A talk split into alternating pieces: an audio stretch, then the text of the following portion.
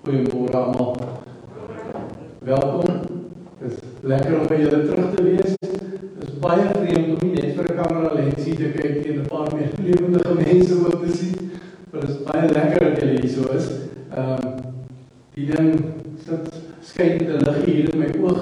Ehm uh, want daar's mense by die huis wat ons baie bly is oor wat sê dat hulle op van die huis af kyk en dit is heeltemal reg. Dit is geen ehm uh, uh, wat jy hoor Jy kom aan vaar, jy voel maar jy voel nie lekker nie jy wil nie die kans vat nie, maar wat is alles gefout? By by die huis. Ons is saam deel nog steeds van God se gemeente, van God se familie. Dit is lekker om ook hier by julle in die kerk te wees. Ons teks, maar ook ons vermoediging, ons stilraad vanmôre. Is albei hier uit Eksodus hoofstuk 20. Ek lees vir julle uit die direkte vertaling. Toe het God hierdie woorde gespreek. Ek is die Here jou God, wat jou uit Egipte land uit Egipte land uit die plek van slavernye uitgelei het. Jy mag naas my nie ander gode hê nie. Mag nie vir jou gesneede beeld maak nie, enige afbeelding wat in die hemelruim daarbo of op die aarde hieronder of in die water onder die aarde is nie. Dan vers 7. Jy mag die naam van die Here jou God nie misbruik nie. Want die Here sal hulle wat sy naam misbruik nie ongestraf laat nie. Gedenk die Saterdag deur dit heilig hou. Ses dae moet jy werk en alles doen wat jy moet. Vers 12. Behandel jou vader en jou moeder met eerbied sodat jy lank kan leef op die grond wat die Here jou God vir jou gaan gee. Jy mag nie moord pleeg nie. Jy mag nie egbreek pleeg nie. Jy mag nie steel nie. Jy mag nie vals getuig teen jou naaste nie. Jy mag nie jou naaste se huis begeer nie. Jy mag ook nie jou naaste se vrou begeer nie. Raak so 'n oomblik stil by jouself. Dink so 'n oomblik na oor hierdie woorde en hoe ons half groot geword het met dit. As jy stil raak en nadink, Dis woorde wat gegee is vir mense wat vir by die 350 jaar slawe was. Wat beteken hierdie woorde vir 'n slaaf? Vir iemand wat vrygemaak is. Kom ons raak 'n oomblik stil. Ewige en almagtige God, U ken ons harte. U ken al ons begeertes. Vir U is niks verborge nie. Reinig daarom ons harte in die werking van U Heilige Gees sodat ons U volmaak mag lief hê en U heilige naam mag groot maak deur Jesus Christus ons Here. Amen. Ons het nou begin deur gedeelte van Eksodus 20 te, te lees. En ek wil net so ehm uh, vers 2 nog bylees by wat ons nou gelees het sover. Van vers 18 af volk die donderslag hoor en die weerlig sien. As ook die geluid van die ramshoring en die berg wat rook, was hulle bang en het gebewe. Hulle het op afstand bly staan en vir Moses gesê: "Praat U met ons en ons sal luister." Maar God moenie met ons praat nie sodat ons nie sterf nie. Moses het die volk geantwoord: "Moenie bang wees nie, want dit is om julle dat dat God gekom het. So die onsag van hom deel van julle lewe sal wees en julle nie sondig nie.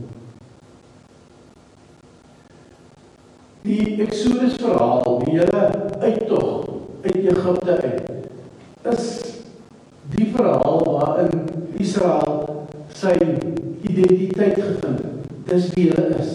Die mense wat soos wat die direkte vertaling hierso sê, plek van slawerny uitgelei is. Maar die hele Eksodus, veral in Eksodus 20, is ook iets van hoe ons verstaan wie God is. Dit sê vir ons iets van hoe sien ons God? Wie is hy vir ons, vir my? En hierdie hoofstuk is nie maar net 'n notiele van 'n ou vergadering nie maar net 'n aantekening vir inligting. In 'n sin is ek en jy deelnemers. In 'n sin is ek en jy daar by die Sinaïberg in 'n sin hoor ons God se stem. In hierdie woorde leer ons God en onsself beter verstaan. God praat nie net met Moses nie. God praat nie net met Israel nie. God praat met elke volgeling van Jesus. En die hoofkarakter hier in Eksodus 20 is natuurlik God. En dis hoekom vers 1 begin. Ek is die Here jou God wat jou uit Egipte land en die plek van slawerny uitgelei het. Dis waar dit begin. Dis die basis, dis die selfbekendstelling van God vir Israel. Hy is die een wat hulle bevry, hy is die een wat hulle red as hulle in die moeilikheid is. En hierdie hele hoofstuk, nou weet ek, soos ek groot geword het ook, ehm um, as jy doen, is baie lief om jou so oor die vingers te tik met die wet, weet? Jy mag nie, jy mag nie, jy mag nie, of jy moet. Maar hierdie hele hoofstuk gaan eintlik nie eers oor 'n klomp boets en moeies nie. Die hele hoofstuk is daar om iets van God se hart te wys, iets van God se liefde te wys, iets van hoe God omgee, hoe God kan jammer wees. As jy nou terugdink aan die hele Eksodus verhaal, dan begin dit waar Eksodus sê God het Israel se hulproep gehoor. Dis waar dit begin. En hy het 'n hulproep gehoor, hy het hy jammer gekry. Ons het die hele verhaal van die uittog en as hy nou hier by Eksodus 20 kom, dan draai hy nie om nie. Hy sien nou skielik 'n hart in kwaai met hulle. As hy nou hier met hulle praat, is dit nog steeds van dieselfde hart van omgee, dieselfde hart van liefde. Hy wil vir hierdie klomp slawe wat nie weet wat om te doen nie, want hulle is so gewoond ander mense sê vir hulle wat om te doen.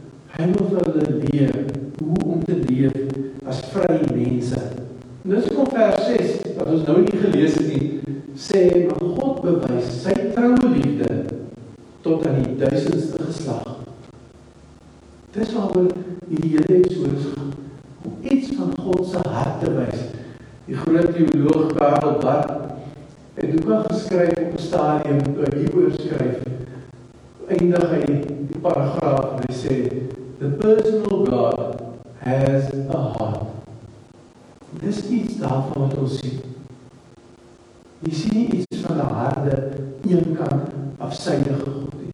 Jy sien iets van God wat omgee, saam met mense wil wees. Maar ons is ook maar hier in hierdie teks. Ons is die gemeente wat deur God verlos is. Ons is die gemeente wat deur God vanoggend hier bymekaar gebring word op die internet of fisies hier in die kerk. Ons is ook hier teenwoordig. Ons word opgeroep deur God. Onthou hierdie hele teks, as mens dit nou gaan lees, gaan oor Jesus het so pragtig opgesom het, liefde tot God en liefde tot die naaste. En ons word opgeroep om in hierdie dinge teenoor mekaar in liefde op te tree. Maar waaroor is dit anders vir hierso van jy mag nie moord pleeg, jy mag nie erfenis pleeg, jy mag nie steel nie. Dit gaan alles daaroor hoe tree ek teenoor my medemens op op die regte manier. So hierdie hele teks kom en wys vir ons en sê vir ons hoe is God? Dit sê vir ons hoe leef ons? Hoe moet ons teenoor mekaar leef? En dit hou natuurlik nie op by die Sinaï berg nie. Hier vandaan af het Israel nog die res van die 40 jaar in die woestyn, hulle nog die intog in die beloofde land, hulle die ongehoorsaamheid, hulle telke male vir God verwerp. Hulle die ballingskap, hulle die terugkeer in die ballingskap. So hierdie verhaal wat ons hier so 'n stukkie van sien hier by die Sinaï berg gaan nog voort deur goeie tye, slegte tye, ups and downs. Maak nie saak hoe goed of hoe sleg dit met Israel gegaan het nie. God se barmhartigheid, God se liefde, God se omgee hou nie op nie. En natuurlik bereik dit sy hoogtepunt in Jesus. Jesus wat die beloofde Here was. Jesus Immanuel God met ons. Wat op 'n besondere wyse vir ons kom wys hoe gee God om aan hierdie verhale. Kom op die einde tot op die hoogtepunt van Jesus. En dan sê Jesus vir ons, soos hy vir sy disippels gesê het, soos die Vader my gestuur het, so stuur ek julle. Van van Eksodus. Mag nie doodslaan nie, mag nie naaste se huis of vrou begin nie. Al daai goeders. Kan jy sê gaan oor 'n sorg spiritualiteit. Sorg vir mekaar. Gaan oor 'n respek vir mekaar, respek spiritualiteit. Gaan oor erken mekaar se mens wees. En dit is hoe ons God eer. Deur so te deel, deur mekaar se mens wees te erken, deur mekaar lief te hê soos onsself. Dit is vir my die ongelooflike gewees hierdie tyd. Mense wat ek letterlik nie geken het nie, het op sy huis daar by die huis gestop en omdat ons ook maar versigtig wou wees, tuin die hekkie gesluit gehou. Nou hoor ek net 'n piep piep piep piep buite van iemand wat 'n toeter druk. Gaan ek buite toe dan? Ek ken nie jou nie. Gaan hoor maar wat wil hy hê? Sê vir my maar, is jy nie van die NGK? Sê ja. Sê dit is jou. Laai ou of jy daar ses op 'n vol sakke groceries daar kry die nuus waar hy sê ek weet daar's mense wat saam geswaar kan gee dit vir ander keer stop iemand wat ek op die pad opgery en ek sien hier staan 'n kar voor die voor voor die huis. Toe kom hy ek stop as die ou by my venster en sê ek hoor julle gee vir mense kos. Gee dit vir hulle en hy ry. Ja, wat ek ver later kom maar toe sy 10000 rand in die koever.